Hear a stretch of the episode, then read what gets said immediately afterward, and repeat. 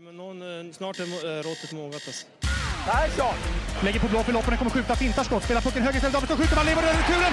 Skottläge kommer där! Kan jag få låna micken? I mål! Missar! Hur skjuter karln?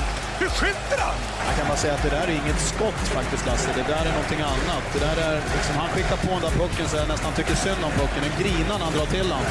Utan Fröbo var målvakt! Kan jag få låna micken? Kolla! Poff! Men allvarligt talat Leif Boork, du håller på med hockey i 600 år! Kan jag få låna micken?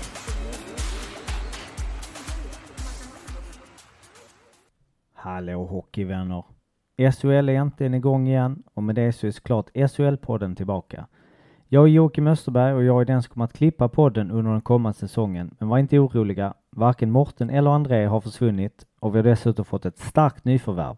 Den SM-guldvinnande trollgubben Per Ahlbrandt ansluter till podden.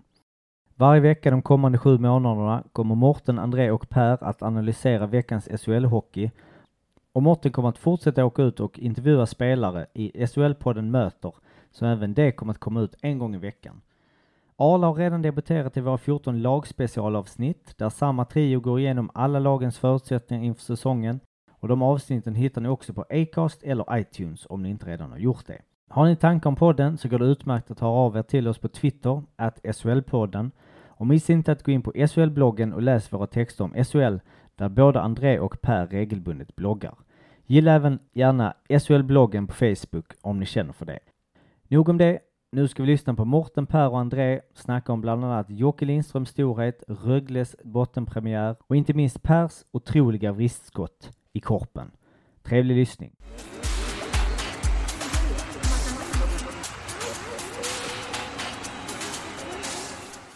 SHL-podden är här igen. Jag hoppas att ni lyssnat på alla specialavsnitt som vi har haft. Vi gjorde ju ett per lag där inför säsongen, nisch. Vi gjorde dem inför men de kom ut lite under första omgången och så vidare. Fått lite reaktioner, bland annat den eh, allra tydligaste var ju ett mail där det stod lyssnade på Örebro-avsnittet i SHL-podden. Ni är dåligt pålästa, tyvärr. Så jag passar över den till er helt enkelt eftersom det var ni som tyckte mest. Är ni dåligt pålästa om Örebro? Var inte det, det typ det enda laget som vi var oense om så så fall är det bara antingen jag eller André. Jag var ju positiv och André var mer negativ så båda kan inte vara dåligt pålästa i så fall. Det kanske är en medelväg. Så båda har Ja, ja. lite rätt. eller Ja. som det ibland kan låta i supportermun, mycket fel. ja. Nej, ni- Det är bra, jag, jag tycker att det är en godkänd kontring av dig Arla där. Jag tycker också det. Den var bra. Det var bra. Hur eh, mår ni? Vi sitter på Skype nu kanske vi ska säga, så om ni tycker att eh, det inte känns som att vi eh, har ögonkontakt med varandra så har vi ju inte det. Så vi börjar med dig André, Mm. Ängelholm. Loser-staden efter första omgången i SHL. Ja, det får man väl ändå säga. Efter den braktorsken i lördags så är det väl ganska dystert på stan här. Folk går ju med nedhängda huvuden och eh, det är inte så många som pratar med varandra. Men det är ny match imorgon så att eh, vi eh, får fokusera framåt. Annars är det bra här. En av fördelarna med SHL att det ofta är en ny match imorgon. Mm, exakt, exakt. Kommer en ny chans imorgon. Nej, vi ska väl ta lite mer om den matchen sen men eh, nej, det, var, det har varit en tung period. Men du mår bra. Jag mår jättebra. Jag, ja, jag, jag mår bra.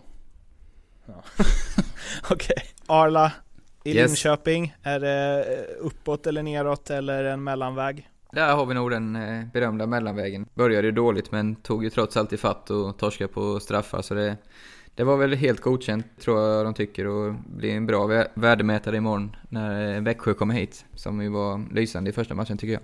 Hur mår du då? Också medel eller? Nej, jag mår över medel. Allt som oftast. Ja, ja det är bra. Är det tre starka plus? Ja, jag säger en fyra. Jag har inte mycket att klaga, klaga på. Nej. Ja, skönt det. Ja, Jag sitter i Göteborg, lånat några vänners eh, kontor här och eh, här har jag inte riktigt, kom nyss, jag har inte riktigt fått någon feeling men jag kan tänka mig att den här staden inte är helt nöjda med en övertidsseger mot nykomlingen Mora utan att de nog hade förväntat sig att Frölunda skulle knipa det där under eh, ordinarie tid. Men i alla fall, vi har varit inne på tre matcher nu och ska ju för att rätt ska vara rätt och alla ska vara med på banan och så vidare dra resultaten i den första omgången i SHL. Första matcherna spelades lördagen den 16 september och då var det Färjestad vann i sadden med 3-2 mot Linköping. HV71 vann 4-2 mot Djurgården. Malmö krossade Rögle med 5-0.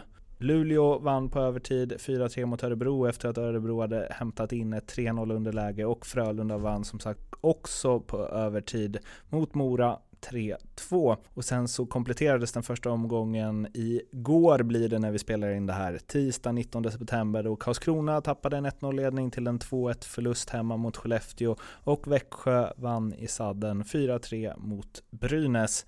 Och vår redaktör Joakim Österberg har förstås plockat ut ett par heta ämnen från den här omgången. Nu slutar vi med pucken, okej? Okay? Alla vill ha pucken! Ni åker och gömmer just nu hela högen. Vill ha puck! Ingen jävel gömmer sig! Ingen jävel har ryggen! Vill ha pucken, är ni med? Vi måste ju vilja ha pucken! Måste dominera! Just nu är det ingen som vill ha puck.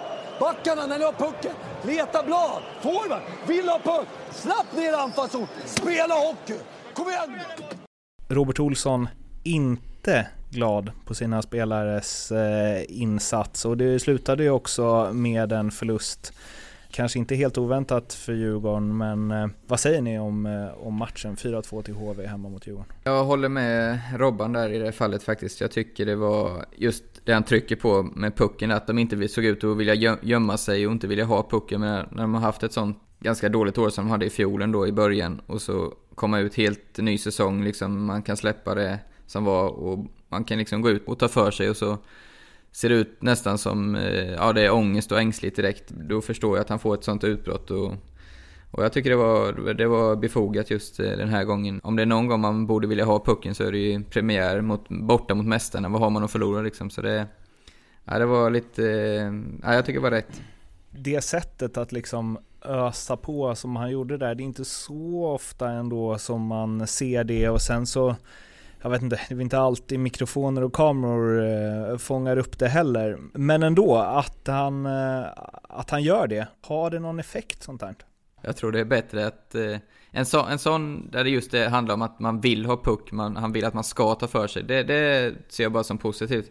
Det hade varit en sak om man hade sagt liksom nu slår inte en jävel, slår inte slå en pass in i mitten för då kan de kontra. Eller nu tappar vi absolut inte en enda puck på blålinjen för det är då du får det här ängsliga spelet. med. här eh, uppmuntrar jag istället till att vilja ha puck och försöka vara kreativ istället. Så just i det här fallet tycker jag det var bra. Egna upplevelser av, av sånt här eh, genom åren? Jag antar att eh, ni båda har varit med om en och annan utskällning. Är det något som sticker ut? Jag tycker Albrandt, du har väl måste ju haft någon ledare som har legat på ordentligt i båset. Är det inte någon som du har varit med om? Någon schweizisk gammal herre? Ja, han, eh, han kunde få sina utbrott. Men det bästa var att när han blev riktigt förbannad och drog han det på tyska som, eh, ja, schweizertyska. Och jag förstår ju hyfsat vanlig tyska, men den där tyskan fattar inget av. Så då tog, tog man inte åt sig på samma sätt. Men annars i Sverige, ja, jag, jag funderar på det, men jag har inte haft några så här riktiga riktigt hetlevrade coacher. Inte vad jag kan minnas i alla fall. André? Alltså jag... Nej men det har man väl inte. Jag har faktiskt inte heller haft någon sån där riktig. Men sen tror jag det... Det är väl ganska ovanligt nu att där är, det är den här hetlevrande coachningen. Alltså man ser till många av SHL-tränarna. Det är ju lugna, trygga människor som, som inte liksom står och skriker. Jag vet inte om man har kommit till insikt med att det kanske inte är det som är det bästa. Jag är också inne på den linjen som Arla är i början. att just i det här fallet så, så är det säkerligen en bra timeout han tar. Men de ligger under med 2-1 och det är första perioden och det är ingen som vill ha pucken. Var, var ska det liksom eh, gå? Hur ska resten av matchen se ut? Eh, de har säkert snackat innan matchen om att vårda pucken och ha bra pass. Och så, så går de ut och inte följer den tråden. Så att här tycker jag det är bra. Sen tycker jag det är kul också för Robban. Enligt fjolår tyckte jag han verkar vara liksom ganska Nej men en lugn och sansad människa, rätt så tystlåten. Man har inte sett så många sådana här uh, utbrott från hans sida. Så jag tyckte det var lite roligt att se. För annars har han ju Stefan Nyman som brukar backa upp som kanske är den som får ta lite mer av det här eh, liksom ligga på snacket. Så att eh, där tyckte jag han liksom steg fram bakifrån bänken och tog lite ansvar. Så det tyckte jag var kul att se. Eh, och det... en, bra, en bra snack tyckte jag han hade med. Alla måste vilja ha pucken, så är det ju. För det är väl ändå, mm, alltså det här skrik och gap-grejen från tränare, det är ju många fans som oftast vill se, det var ju länge som jag, jag i alla fall uppfattade det som att Wikegård, det var många som ville ha in honom för han vågar säga vad han tycker och han liksom, ja, kan ryta ifrån och så vidare sen har man å andra sidan, jag tror jag förra året som det vevades ett klipp på Roger Melin i AIK där han bara står och softar sjukt mycket och drar något garv och så fast det är en jättespänd situation i matchen. Som spelare, funkar det att någon ryter till? Kan man någon gång behöva det? Ger det någonsin effekt eller är det mest spel för galleri? Jag tror det är nog väldigt personligt från spelare till spelare. Om jag går till mig själv så funkar det knappast aldrig om, om någon stod och gapade rätt i örat att, hur man skulle göra utan det, det var mer Milins stil som funkar för mig. Sen vissa kan nog behöva, jag kommer ihåg eh, bröderna Abbott när jag var uppe i Luleå, de Röntgen, Rönnqvist eh, röt till på dem, då, då gick de nästan alltid in och gjorde ett mål senare i matchen så för dem så, så funkar det. Men eh, jag tror majoriteten eh, tycker nog om eh, den lugna svenska sidan, ska vi säga så, bättre. Kan det bli någonstans att det får omvänd effekt? Att man tycker att oh, där står han och gapar. Palla. Ja det tror jag inte. Alltså att, att man skiter i det menar du? Ja men att man känner att bara, nu står han bara och skriker på oss igen liksom. Att man, att man tappar det istället. Ja men det kan nog bli att man blir mer, eh, ännu mer eh, ängslig i sitt uppträdande på isen skulle jag säga. Att man åker och tänker på vad ska coachen säga nu liksom istället för. Hockey funkar ju som allra bäst när man inte tänker. Det låter ju jäkligt konstigt men det är ju så åker du och tänker på vad folk ska tycka eller vad tränaren har sagt så då brukar det alltid gå åt pipan. Utbrott och hårtorkar och allt vad det heter i omklädningsrum då? Efter match? Eller innan, vad man nu skulle ha det då för. Men eh, är det någonting annat än att få det mitt under eh, brinnande match? Ja men ofta när det kommer sådana så är det ju i affekt efter att man har förlorat och tränaren känner sig pressad naturligtvis och det kanske har gått tungt ett tag så då brukar det bli att det rinner över. Det har man ju absolut varit med om men då, då blir, brukar det ofta vara en, en ångerfull tränare som kommer dagen efter och har analyserat lite mer. Så nu, vanligast nu är nog nästan att eh, tränarna inte säger så mycket efter matchen utan att de går hem i lugn och ro och analyserar och sen tar man det dagen efter. Man har ju läst en del om eh, utskällningar och eh, diktatorscoacher och så vidare borta i Nordamerika. Har någon av er eller båda varit med om något som sticker ut just i, i omklädningsrum på det sättet? Någon utskällning, några kastade grejer eller vad det nu kan vara? Mm. hmm. Nej, inte något sånt där kast eller eh, våldsamt som har skett. Liksom. Det har varit mest eh, taktiktavlor som har liksom rykt och papperskorgar och sånt där. Lite av de här sakliga ting som står i ett omklädningsrum som har väl fått sig en och annan törn liksom. Men eh, inte några så här personliga angrepp och sånt. Det har inte jag varit med om i alla fall. Eller någon som liksom gått till attack rent fysiskt. Det, det har inte jag upplevt. I, så, men, men visst har man förbannade tränare och så här. Det har man ju absolut varit med om. Micke Gat, tänker jag. Micke Gat? Eh, nej. Alltså Abbott-bröderna hade ju några, men då var det de själva som triggade igång varandra lite och sen till slut så blev det liksom rann bägaren över. Och då, Vadå mot de varandra? Ganska, de, ja men de, ja det kunde de absolut göra. Och sen ja. så blev det liksom att de ville ju få med gruppen och sen slutade med att det liksom, det var rena kaoset liksom mellan de två. Det var, och så kom tränaren in och så blev han inblandad och sen fick de gå till ett annat omklädningsrum och reda upp det. Och det hörde vi ju genom väggarna. Så det där var lite intressant. Det var faktiskt i Luleå också. Så att eh, lite sådana grejer. Men jag vet inte om du Brandt har varit med om någon sån här som har liksom varit riktigt... Jag kommer att tänka på eh, det värsta utbrottet jag varit med om. Det var nog faktiskt vår lagkapten när jag spelade i Schweiz. Som eh, vi spelade mot Langna och Botta som var en bottenkonkurrent och vi spelade som skit. Jag tror vi låg under med 5-0 efter två perioder. Då fick han ett riktigt psykbryt. Alla muggar som stod så här med sportdryck bara vältes över. Alla, ja, han välte bordet och det, bara, det flög saker och någon klocka drog han i väggen och klubban gick i tusen bitar. Det, det är nog faktiskt... Eh, och det var en väldigt lugn kille i normala fall, så det, det, var, det var överraskande. Ni har inte gjort något sånt då? Vad är det värsta? Eh, Utbrottet? Nej. Ja, någon klubba har man ju slått sönder sådär, men jag... Inte mer Jag fick ett litet utbrott i Växjö förra året, har för mig. Vi spelade 5 mot 3 och jag tyckte jag skulle få en passning till öppet mål, men... Eh, fick inte den och då, då för mig jag fick, slog lite med klubba i båset och skrek lite, men annars eh, har varit rätt lugn min karriär. Ja, du, du, det förvånar inte, kan Nej. säga. André? Nej, jag, För snäll? nej, jag har väl... eh, Nej, men det, lite klubbor och sånt har väl gått. Men sen fick vi börja böta för det. Så då var man ju för snål för det. Så att då ville man inte dra någon klubba där. Utan, eh, ja men det var mer varit i ungdomsår. Man har varit lite korkad och, och slått i sönder lite. Någon duschrum och har varit lite sådana där små grejer. Men Hur slår Det man var en när man var yngre, sönder ung och ett duschrum? ja, man tar ju en sån där skrapa. Sen är det väldigt tunna väggar. Jaha. Typ lite så. Och det var ju fruktansvärt korkat. Men ung och dum. Så lite så. Men det, det är inte så här. eh, Annars var jag också liksom ganska lugn. Så jag slog inte sönder massa grejer. Så ungdomar, eh, lyssna på André och eh, gör inte så. Joakim Lindström igen. Lindström i mål!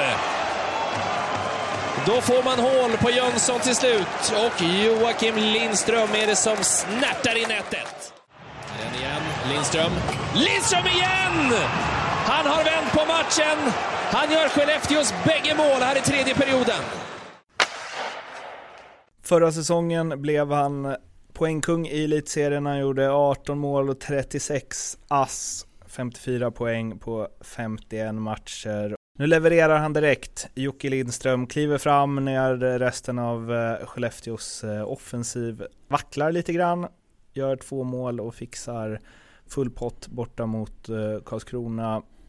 Vi var inne på det i Skellefteå-avsnittet inför säsongen att Lindström och Möller blir eh, viktiga för en poängkung så här att han ändå går in och stämmer i bäcken direkt. Jag vänder väl eh, frågan helt enkelt till en före detta poängkung. Är det viktigt att leverera tidigt? Arla. Jaha, jag tror det var André du menade. Eh, eh, Ja, jag satt och väntade men... Ja, okej. jag tror det är jätteviktigt faktiskt. Ja men för sån typ, jag har ju varit sån typ av spelare också som eh, man har press på sig att eh, leverera poäng och mål och så jag tror det är jätteskönt. Det var ju många sådana den här första gången som, som lyckades leverera direkt och det, det är en liten eh, tyngd som släpper från axlarna, absolut. Så ja, det var ju dessutom två helt avgörande mål så han eh, mår nog gott idag. Och vilka mål? Ja, de var ju nästan identiska. Eh, Däremot konstigt passivt försvarsspel av Karlskrona just när man ser att det är han som kommer och släppa den ytan utan att gå på det. Då vet man att det smäller så det, det var väl inte det bästa försvarsspelet eh, just i de situationerna. Såg två tweets där, den första från Jimmy Stålnacke som skrev att Jocke Lindström och kryssen verkar komma jäkligt bra överens även den här säsongen och sen Norrans hockeyblogg som eh, skrev Jocke Lindström går in och tar över matchen fullständigt från osynlig till isens kung och tvåmålsskytt. Nu såg inte jag den matchen, men det är väl också någonting som är signifikativt ibland för spelare som gör mycket poäng. Att det spelar ingen roll hur bra man är resten av matchen egentligen. Nej, precis så är det Ryan Lash var ju också lika, eh, likadan. Jag läste lite att han har varit relativt osynlig. Ändå gjorde han två sista målen i matchen. Eller Frölundas två sista mål och gjorde ju så de vann. Så det, det är väl eh, ganska lika där i det fallet. Hur osynlig var du? När du gjorde massa poäng? Vi mötte AIK mitt den säsongen gjorde som mest poäng borta och vi vände 1-4 underläge till seger, 5-4. Och jag gjorde 1 plus 3 tror jag och hade avgörande målet när det var två minuter kvar. Så, efter matchen så kom eh, målvaktstränaren fram, Nisse heter han. Äh fy fan Arla, idag var du inte bra du. och då, då sa jag, "Nej, nej vi vann nu, jag hade fyra poäng. Hade du? Det var som fan. så där, där fick man ju. Så jag var nog inte så, så bra alla gånger heller. Kände du det då? Att så här, idag är jag ingen bra match, tur att man lyckades få in lite poäng. Nej, alltså jag försökte alltid... Alltså just den matchen tyckte jag faktiskt att det hade gått rätt bra, så det var lite oförstående. Men eh, absolut, vissa matcher var, var man ju skräp och ändå kunde man fått med sig två billigas i powerplay till exempel. Och sen vissa matcher kunde man spela jättebra och, och inte få med sig någonting. Och det, det var det som var lite tråkigt eh, kan jag tycka, att man, när man är poänggörare och är, blir man alltid bara bedömd efter det. Utan jag kände ibland kunde man göra kanonmatcher men liksom det gick inte in. Och då, då fick man höra att man inte levererar och sen ibland spelar man kast och men ändå som jag sa fick med sig någon dubbellast liksom. Då, då är, det, då är allt bra igen. Så det, där tycker jag media kan eh, bli lite bättre kanske. Och att spela, vissa är väldigt duktiga på att tjata till sig andra ass också. Ja men det funkar faktiskt inte längre. Det, det, är, det är de jätteduktiga och har varit i många år i SHL så det, det går inte. Det, de är, det är många som arbetar med statistik där så det, det, det kanske gick på en 15-20 år sedan tror jag men nu är det omöjligt. Det låter som att du har försökt. ah, det, nej det har jag faktiskt. Jag tror faktiskt, jag tror inte jag har något, gjort något allvarligt försök sådär. Det är ju ett framtida program när vi ska hänga ut spelare som är duktiga på att tjata till sig assist som de kanske inte borde ha haft. Ja, jag, jag vet Men... i, i HVs omklädningsrum när de, de var riktigt bra där, ja, mitten av 00-talet var det, då gick de alltid igenom målen dagen efter och kollade så att det stämde med touchar hit och dit och styrningar och sånt. Så det var, det var mycket liv det har jag fått berättat för mig. Då vill man heller inte sitta där och att det blir tydligt att man har snackat till sig något man inte ska ha ju. Nej, exakt. Andrea Joakim Lindström som sagt, eh, nu förstår jag att det kan vara lite klurigt för dig att hålla alla namn som har spelat i SHL de senaste 17 åren i huvudet så här. Men hur bra är han slash eh, hur högt ska man hålla honom över de, ja, 2000-talets elitserien slash SHL-spelare. Jag tycker man ska hålla honom väldigt högt. Ser man framförallt så skulle jag väl säga, tittar man från 2010 och framåt så är han ju definitivt en av de absolut främsta spelarna, tycker jag. Jag gjorde lite eh, uträkning, lite stats jobb. Mm. Jag drog en liten för att kolla hans snitt liksom sen 2010. Han har ändå snittat 1,07 poäng på 234 grundseriematcher. Det är ju respekt får man ju säga. Det är ju riktigt bra stats. Och det, liksom, det finns ju ingenting som pekar på att han inte kan eh, hålla den snittet i år också. Än så länge är han ju bra på gang. Men eh, jag rankar ju han högt. Framförallt 2010 och framåt. Längre bakåt där. Då var han ju inte riktigt med. Men eh, absolut en av de främsta. Nu kanske man är påverkad av den här eh, gångna omgången. Men det känns som att han är... Nu var han inte så bra överlag i den här matchen då, då tydligen. Men det känns också som en spelare som bidrar med ganska mycket annat samt att han Ja men eh, allt i allo, även om Skellefteå har haft ett väldigt bra lag alla de här åren, så känns det som att om han inte hade varit med, han har ju nästan spelat varenda match sen, eh, ja eller de säsonger han har lirat i Skellefteå. Det känns också som att hur många bra forwards de än har runt om så känns det som att han är kanske den viktigaste forwarden för sitt lag i SHL. Som helhet, både sett till poängen och det han, att han kombinerar det med, med någonting annat.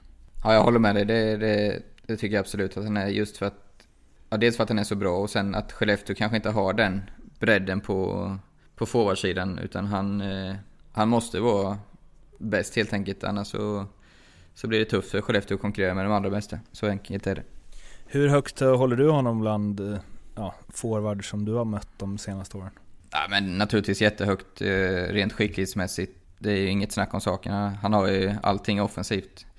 Sen kanske jag håller spelare som Johan Davidsson och eh, Jörgen Jönsson högre rent ja, de drog med sig laget och hur de uppträdde kanske i media, alltså, eller uppträdde i media, han gör inget fel i media, men de är ju mer utåtriktade personer och, och lite mer eh, spela boxplay och vara över hela banan. Men eh, Lindström är ju, ja, han är ju absolut en av de allra skickligaste som vi haft i, i ligan. Håller vi honom som eh, favorit till eh, poängligatiteln?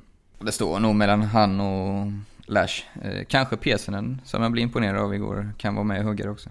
André, du som är så bra på slovad. Ja, precis. Det är min starka sida. Nej, men jag håller också han topp tre. Det är liksom nästan standard.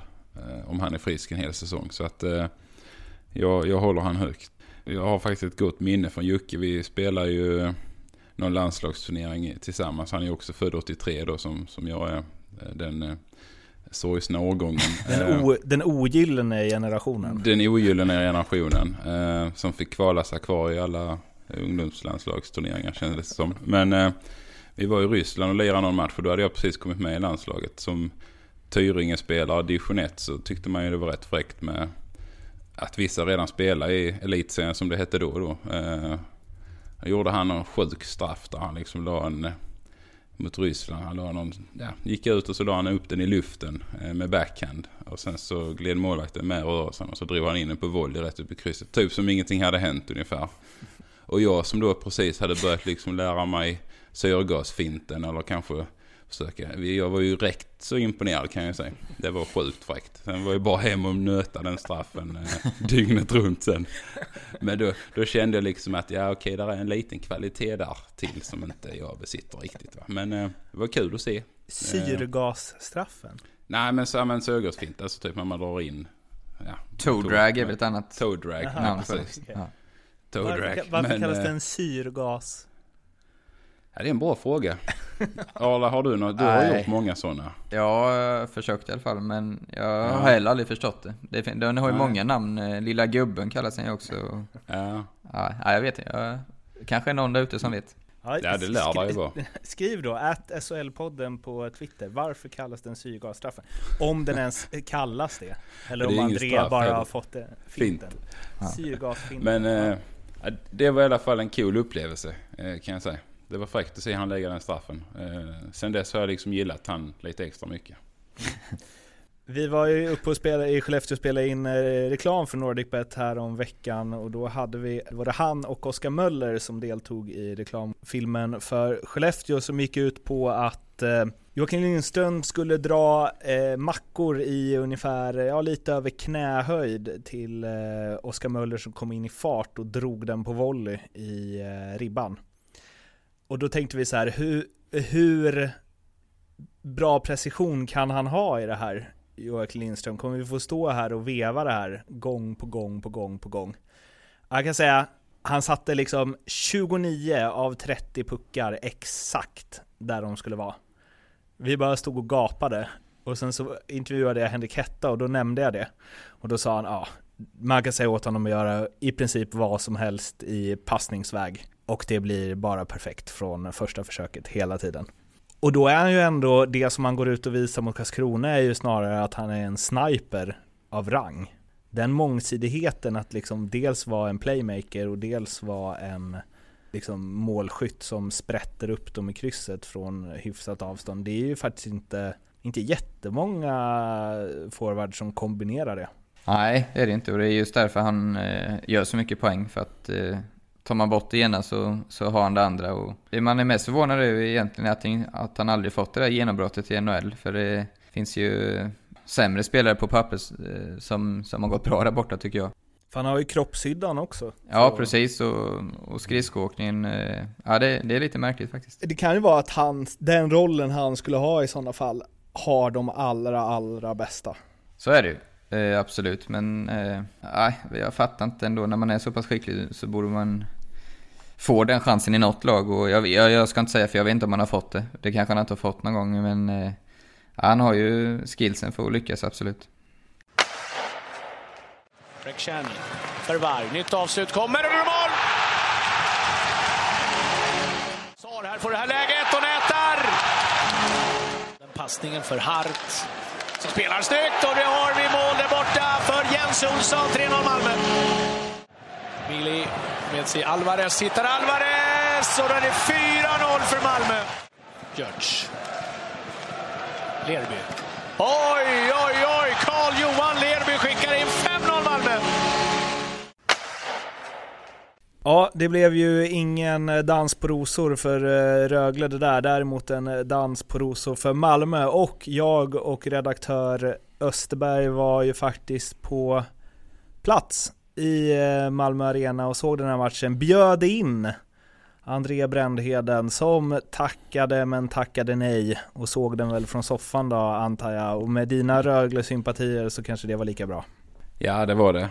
Sen kom ju den inbjudan typ eh, nio på fredag kväll också så man hade ju annat planerat. Men, men tack ändå. Vill man någonting tillräckligt mycket? Ja, så är det. Så är det. Absolut. Nej men jag såg matchen och eh, ja, vad ska man säga? Slakt, förnedring, avklädnad, jag vet inte. Där finns en hel del uttryck som eh, har synts både i media och som nämns här på gatorna i Ängelholm. Det är väl ingen eh, för eh, positiv stämning här efter den matchen. Speciellt inte när det är liksom mot Malmö som är den största rivalen.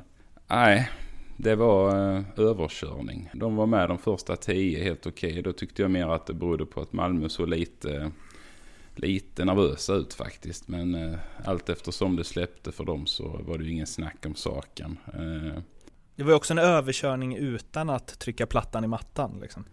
Ja, precis. Eh, de fick ju inte, alltså Rögle hade ju tuff backbesättning på, på banan. De var ju både, både Gagné och Fairchild borta, två tongivande backar. Så visst, de var ju tunna bakåt. Så när Malmö väl fick lite press på dem så, så blev de ju, liksom, lyckades de ju etablera tryck i anfallszon ganska länge. Och Rögle fick liksom aldrig till sina anfall eller något spel utan var mer eller mindre tillbakatryckta större delen av matchen. Så att 5-0 speglar ju faktiskt eh, matchbilden.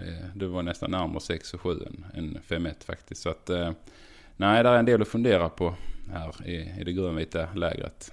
För eh, Malmö, jag twittrade ut på SHL-podden en spådom som inte var, eh, man behöver inte vara någon hockeyguru för att se det förstås, men att eh, Rhett Rakhshani och Andy Meal kommer göra en del pinnar i år, känns det som. Ja, det tror jag absolut. Eh, det är inget snack om saken. Det var som vi nämnde lite när vi pratade om Malmö, att Rakhshani har alltid gillat och kanske inte fått det där riktiga erkännandet som, han, som jag tycker han är värd. Jag tycker han är ruskigt duktig faktiskt. Så, ja, de kommer ha kul ihop. Och för att få till man gillar ju rim, så Andy Meal är ju the real deal, eller hur? Ja, kan, kanonrim. Eh, Men det är ja. inget snack om att, eh, alltså det är ändå så här Transatlante kommer hit, inte spelar på stor rink förut, bla bla bla bla bla. Han kommer ju vara topp 10 i poängligan. Ja, det tror jag. jag. Jag såg inte så mycket av den matchen ska jag erkänna, men när jag såg han så tänker man ju också varför inte han eh, fått en roll vi pratade om, liknande Lindströms i NHL.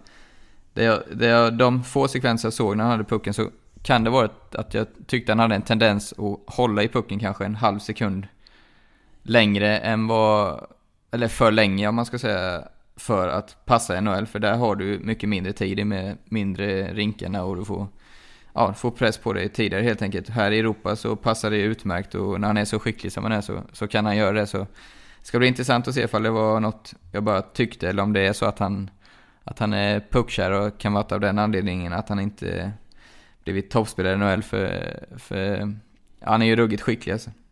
Nu kanske han inte testades till max i den här matchen men höjdes ju ett frågetecken hur eh, Oskar Alsenfelt, Kristoffer Nilstorp hålla sig skadefria och så vidare och så vidare när vi pratade om eh, Malmö i special Malmö-avsnittet. När han spelar däremot och inte är skadefri, Oskar Alsenfelt, så känns det väl som att, jag vet inte, det här är noll, antal nollor som han satte mm. förra året. Känns väl som att det kan bli något liknande i år. Det var en bra start, ur den synvinkeln i alla fall. Ja det var det. Jo det var ju en bra start. Han började ju med nolla men alltså han blev, ja han gör ju en bra match. Han håller nollan och han gör ju... Visst, där är ju vissa räddningar som, som är bra liksom. Han, eh, nej, men han har ju ett lugn i spelet och det hade han ju redan i fjol som, som han har utvecklat. Och det, jag tycker det...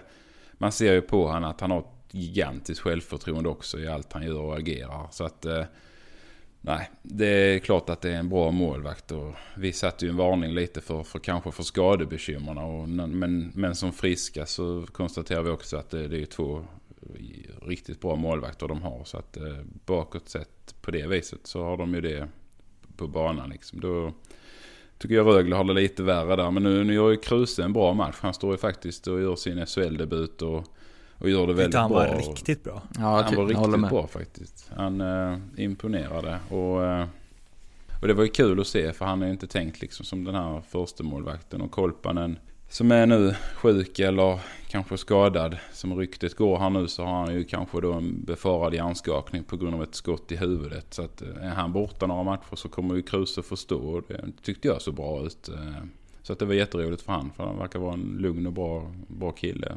Så att, eh, nej, vi får se där. Men Malmös målvaktspar är ju riktigt vasst, helt klart. Kan man bli, kan man bli matchens bästa målvakt om man torskar med 5-0? Eh, ja, men det tycker jag han kan bli faktiskt här. Han gör ju många riktigt, riktigt bra räddningar. Ja, ja det är... Så att jag, ja men det är ju klart. Det första målet, jag menar det är ju rätt så förlösande. Det är ju ganska långt in i första perioden. Och Mm. Rögle har ju ändå lyckats hålla 0-0 och kommer den här styrningen som han inte kan, den är ju jättesvår att ta. Ja. Sen är det liksom, sen blir det jobbigare och jobbigare och han får mindre och mindre hjälp från försvaret. Så att eh, han gör ju inga misstag. Det var rätt med det här första målet med, måste jag ju bara säga. Liksom den här höga klubban som de ringde på. Det såg ju ut första bilderna man såg liksom att det där är ju solklar hög klubba. Men sen såg man ju också att det var Emil och Connolly som stod bredvid varandra. och då är det ju för fast en hög klubba bara man lyfter den över den gula kanten på sargen nästan. Alltså där. Ska du inte vara taskig mot små spelare? Nej, men det var så ju rätt så roligt ut. Man tänkte liksom shit det här var hög klubba. Sen såg jag och det var Connolly och Emil. Ah, det var nog inte det ändå. För ribban är ju lite där den är liksom. Två korta men skickliga hockeyspelare får man säga. Arla du är också en sån ju. Ja. De gillar vi ju, den eleganta stilen.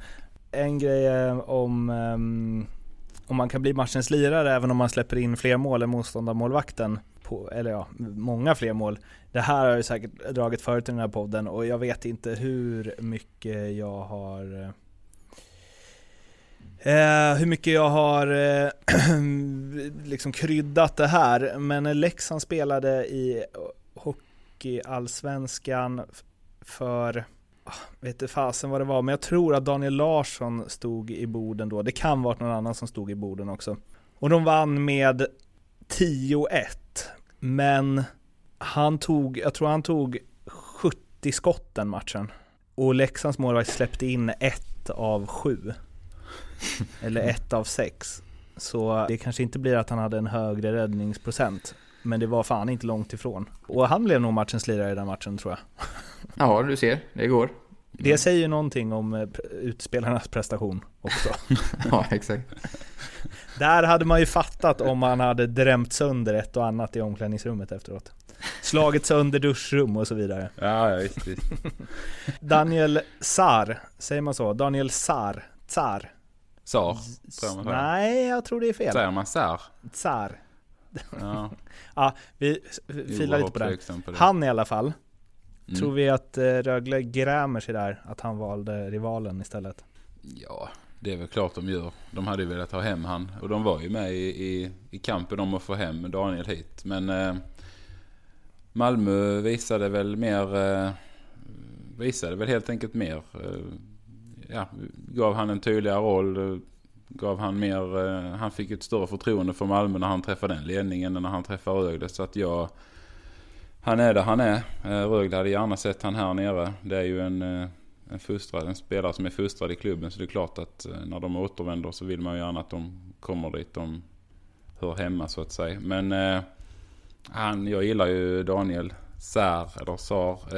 Jag tycker han, han är bra i spelet. Han gör en bra match tycker jag i lördags. Kul att se. Eh, han är i svensk hockey igen. Kan säkerligen... Eh, han har ju lite sniper-egenskaper men han dammar ju upp den rätt så bra, den kassen han gjorde i lördag. Så att han kommer att producera en hel del poäng. Kanske inte lika mycket som eh, Rett och eh, Meal. Men eh, han lär ju ligga med i toppen i Malmös poängliga. Det tror jag också att det gör.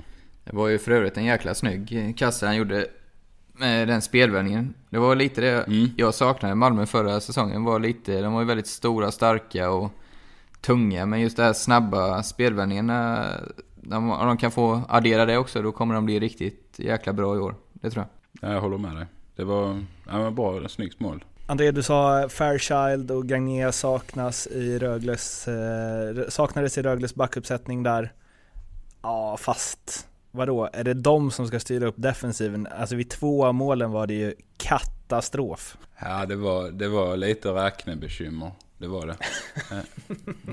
det kan det vara var det faktiskt. Nej, men de, de sorterar inte in. Det var, det var liksom, där var ett par debutanter. Alltså Jonan är ju, har ju inte spelat i SHL innan så mycket. Och Rasmus Sandin kom in och gjorde det väldigt bra tycker jag. Han är en av de, skulle säga, den bästa backen när han väl får istid i Rögle i, i lördags i alla fall. Så att Nej, det är klart. Men samtidigt så de, de gör ju ändå, de har ju ändå mer rutin och erfarenhet än många av de andra backarna. Så det är klart att de hade, de förstärker ju laget, absolut. Det gör de. Sen, sen räkna in, det, det måste man ju kunna göra ändå. Jag menar, är du på den nivån så, så kan du inte släppa två fria spelare bak ryggen på dig. Det, det, det finns liksom inte på kartan. Men absolut, det, det är inte det kanske inte vänder hela skutan men det förbättrar absolut läget för Rögle att kunna prestera bättre, så är det ju.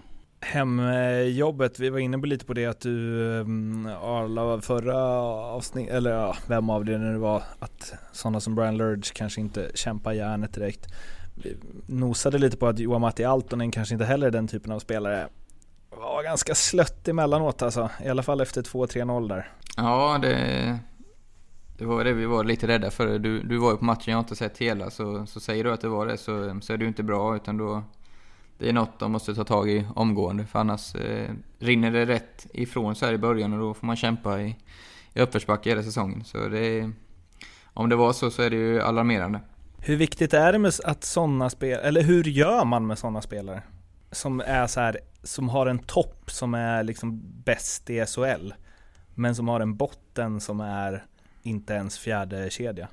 Ja, det, det, är svårt det är det. Alltså just i Altenens fall så, så vet, då vet de ju om vad de har värvat lite. Samtidigt som att de kan ju inte ge han helt fria tyglar heller. Utan givetvis måste han ju också göra det hårda jobbet som krävs.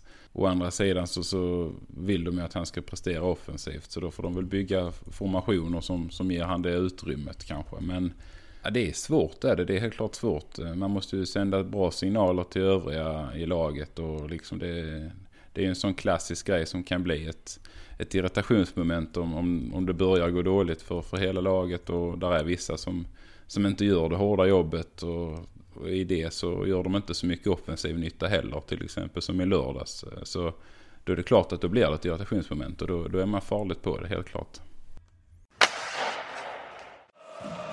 Inget bra läge för Brynäs nu. Pesonen lite stillastående, få alternativ. Lägger för Kiskinen. Alsen åker och lämnar. Då är det 5 3-spel. Eh, så kommer skott från Persson och då har vi 3-2 Växjö! Joel Persson, ja. Målskytt i sin SHL-debut från backplats. Och det var ju, gick ju varmt på Twitter efter eh, att han hade gjort det och det är kanske inte så konstigt. Man gillar ju sånt man kan relatera till och då kanske det är lite lättare att relatera till en spelare som för bara, eh, vad är det, tre säsonger sedan spelade i division 2 hockey i Tyringe, André. På tal om att relatera. Representing. Ja. Där har fostrats en del storstjärnor från den föreningen. Kan det ska gudarna veta. Nej, ja, det är ju... Eh, det är klart att det är ju en eh, väldigt, väldigt cool resa han har gjort. En spännande resa. Som du säger, division 2-hockey här för ett par år sedan och sen så via ta ett steg upp till Kristianstad eh, förra året i division 1 och, och nu är han liksom inne på sex backar i ett Växjö Lakers. Det är ju fantastiskt kul. Och det ger väl ändå ett litet liksom avtryck om att att man inte kan, man ska liksom inte ge upp. Alltså även om man härvar i ettan så finns det en möjlighet till att eh, det går, det kan svänga snabbt. Eh, här får man ju ändå säga att det är en fingertoppskänsla av Evertsson liksom och eh, scouta in en sån kille och, och liksom se att den här kvaliteten han visar i ettan den kan han lika väl göra i SHL. Om vi ger han rätt förutsättningar och, och liksom visar att tror på honom och låter han göra det som han är bra på så gör han det lika bra här. Och det är ju det är skickligt av Evertsson, det får man ju ge han. Så att, äh, jag tycker det är, det är ju svinroligt. Och sen att han gör mål också är liksom så pass duktig. Det är, ja, det är roligt, jag blir glad. Och Ed, vad heter han, eh, Johan på Simon, han sa ju faktiskt Tyringen den skånska myllan. Det gjorde man ju extra varm i hjärtat. Som jag satt och mös i soffan igår kväll. Så herregud det här steget då, gå från eh, division 1 till eh, SHL direkt, så nu, har, nu är det bara en match förvisso, men jag tänker, eh, ja, för er som inte vet det så har jag jobbat en del med fotboll genom åren och där känns det som att det vimlar av spelare i division 1 och även division 2 som absolut gubbe för gubbe hade kunnat göra det bra i ett allsvenskt lag, det är jag övertygad om. i hockey känns det inte som att den resan görs lika ofta. Då får man ta några år i allsvenskan innan man testar på spel i högsta ligan. Ja, absolut. Det är betydligt större skillnad i hockey. För eh, ja, kvalitetsskillnaden är så pass stor helt enkelt. Eh, det har inte samma utbud av, av spelare heller riktigt. Eh, så det är ett gigantiskt steg. Eh, återkopplat till just Joel Persson. Där så tycker jag det är så häftigt som André är inne på att att han tar dit han, men just att han, han, får spela powerplay och göra det han är bra på. Det, det är så lätt hänt att man tar en spelare underifrån och så sätter man honom, ja, som, ja det är back då som sjätte, sjunde back och får begränsade med speltid. Här visar de honom ett enormt förtroende och han, han verkligen tar det på bästa sätt. Sen såklart eh, är det en lång resa. Det var första matchen igår, men det är det är det jag tycker är så kul, att de, eh, att de verkligen satsar på honom också och inte bara tar in honom för att han gjort det bra i ettan och, och låter han sitta på bänken mestadels, utan att han verkligen eh, får chansen. När spelare får frågan så här, vad är steget? Eh, vad är det som skiljer mellan SHL och Hockeyallsvenskan till exempel? Så är det alltid så här, ja, alla spelare är lite skickligare. Eh, saker och ting går lite snabbare, förutom att det verkar, det verkar vara lite mer fläng i Hockeyallsvenskan dock. Eh, alltså i just här snabbhetsgrejen, man kanske kör mer med benen med hjärna ibland. Men när man tar steget, som i det här fallet då, från division 1 eh, till till, till SHL. Jag förstår att spelarna är skickligare, annars hade de ju inte spelat där. Men om man ska bryta ner det, hur, hur märks det som spelare ute på isen att man är en nivå upp? Alltså Fumlas det mindre med pucken? Eh, slås det passningar som man inte ser liksom lika tydligt? Eller alltså vad är det som är skillnaden? Jag tror du slår huvudet på spiken här, säger man så? gör man Hoppas jag. Ja, men just det här med puckkontrollen, att eh, spelarna behöver inte titta ner på pucken för att ta emot en pass eller passningsspelet överhuvudtaget. Passningar sitter på bladet ju bättre spelare är skotten sitter närmare kryssen ju bättre spelare är. Eh, just det här spelsinnet också. Det, I division 1-match kan man ibland se, jag har inte varit på jättemånga, men då kan man se fem sekunder innan vad, vilken pass som kommer komma. Och just det att spelsinne och passning, ja, kvaliteten i passningarna, det skulle jag säga är en stora skillnad ju bättre, ju bättre liga det Du eh, skrev till mig Arla igår att eh, den bästa matchen i första omgången Um, eller i alla fall att du tyckte att de var jävligt bra. Du har väl inte sett alla antar jag. Men uh, vad var det som stack ut med Växjö-Brynäs tyckte du? Ja, jag tycker det var en jättebra hockeymatch. Eh, ja, det var kvaliteten som stack ut tycker jag. Passningar, eh, tempot, eh, alltså avslut. Nej men mycket, första perioden tycker jag var briljant. Alltså det var, det var häftigt att se.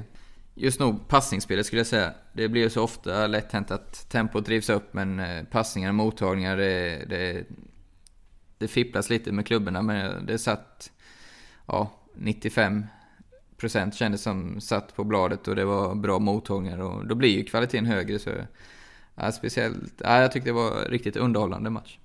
André sitter där tyst, Ja, jag nickar. sitter här och lyssnar. Uh, nej, Till de det... kloka orden. Nej men jag håller med. Det är väl givetvis så att det är en skillnad. Och det är, det är ju små, de, de små detaljerna är lite vassare i allt man gör där ute tror jag.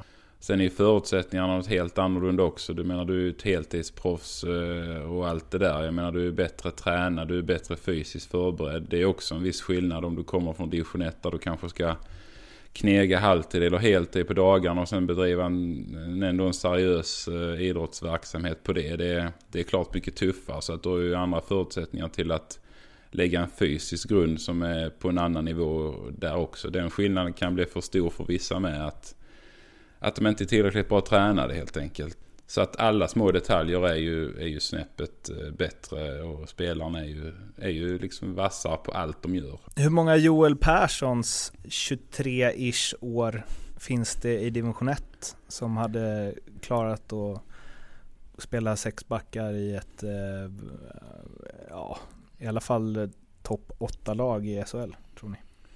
Eller alternativt spela kontinuerligt forward?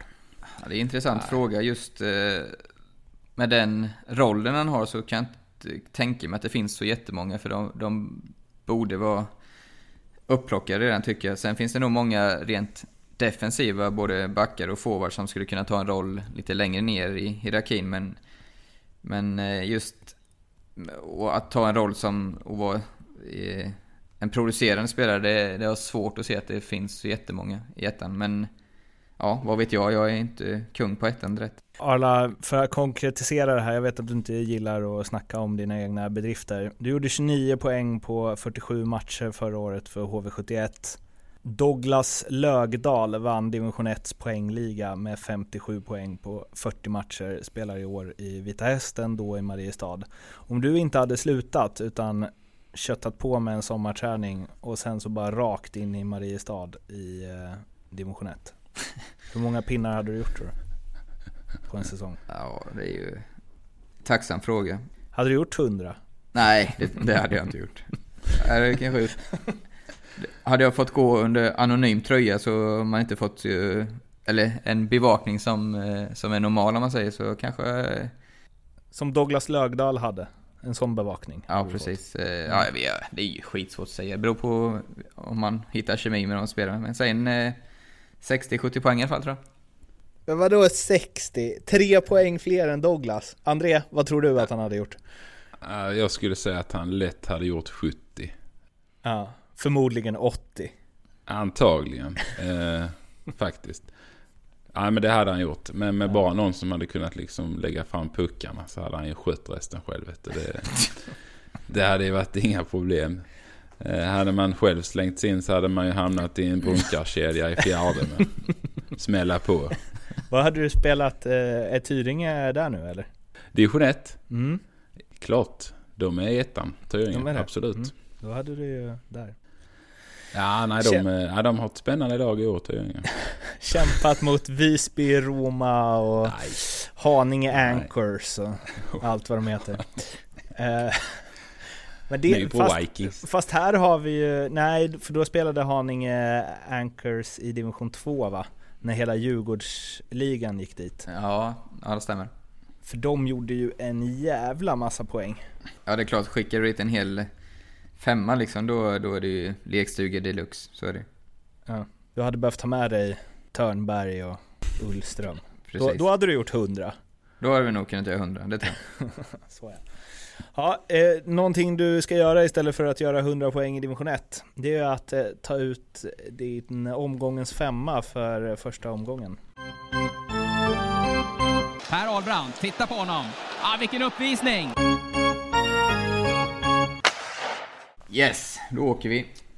Målvakt blir eh, Moras Christian Engstrand, som var så bra som han måste vara för att eh, Mora ska kunna vara med i sådana matcher och plocka poäng. Imponerade framförallt i första perioden när Frölunda tryckte på som mest tycker jag. Eh, Alsenfelt visst höll nollan men hade inte samma, så, samma svårigheter emot sig tycker jag. Så Engstrand får den.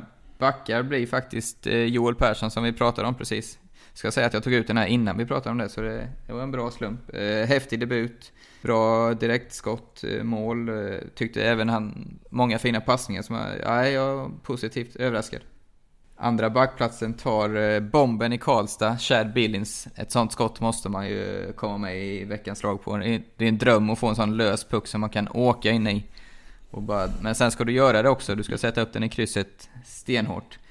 Påminner lite om eh, måndagens korpmatch när jag fick ett sån i fotboll. Jag fick, eh, efter en hörna kom bollen utrullande till mig.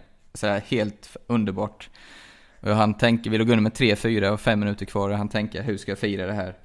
Slutade med att jag knappt träffade bollen. Jag flög 3-4 meter framåt. Dock ska tilläggas att det var på min högerfot som är klart sämre än vänster, men ändå pinsamt utförande. Men eh, Billings, bra. Snyggt kasse. Eh, forwards, eh, Jocke Lindström, eh, given, vänder matchen på egen hand. Två sniperavslut i krysset.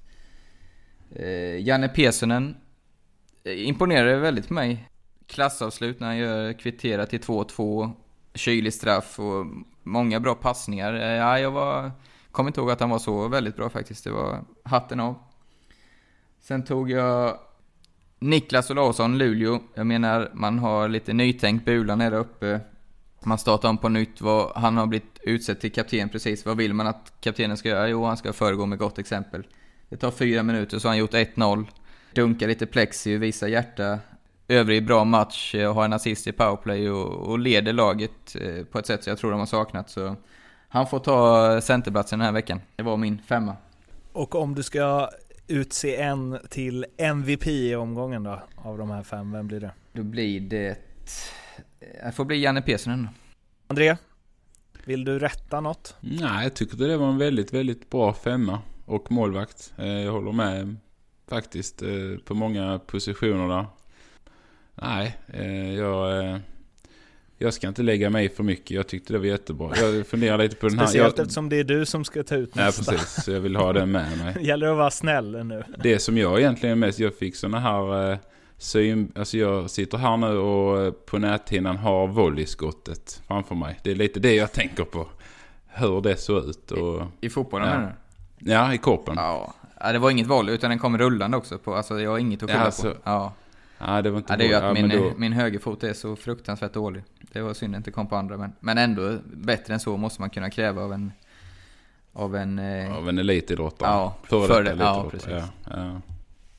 ja, nej men det, det var en bra femma. Jag står bakom den till, till 110%. Jag håller med där om eh, gårdagens match med Pesonen. Han såg ju... Jag tyckte faktiskt han såg snabb ut. Mm. Uh, ja. Och det har inte jag riktigt upplevt han som tidigare. Så jag blev också imponerad. Jag tänkte att han är nog lite trött. Men nej, där fick man fel helt enkelt. Han såg rapp och det... vältränad och riktigt hungrig ut igår. Så det var kul att se. Det är den här nya Ultra HD-plasman du har. Ja. och så lite fast forward på det så ser jag allt snabbt ut. Därför du hinner se alla matcher varje omgång också. ja, det var allt vi hade för eh, det här avsnitt 23 av SHL-podden. Det första icke specialavsnittet eh, den här säsongen. Vi hörs igen om en vecka, kommer nog ha hunnit spela åtminstone två omgångar innan dess, så då får ni ta ut varsitt omgångens lag helt enkelt. Tills dess, ha det fint där ute så hörs vi. Hej då! Hej då! Hej då, hej då!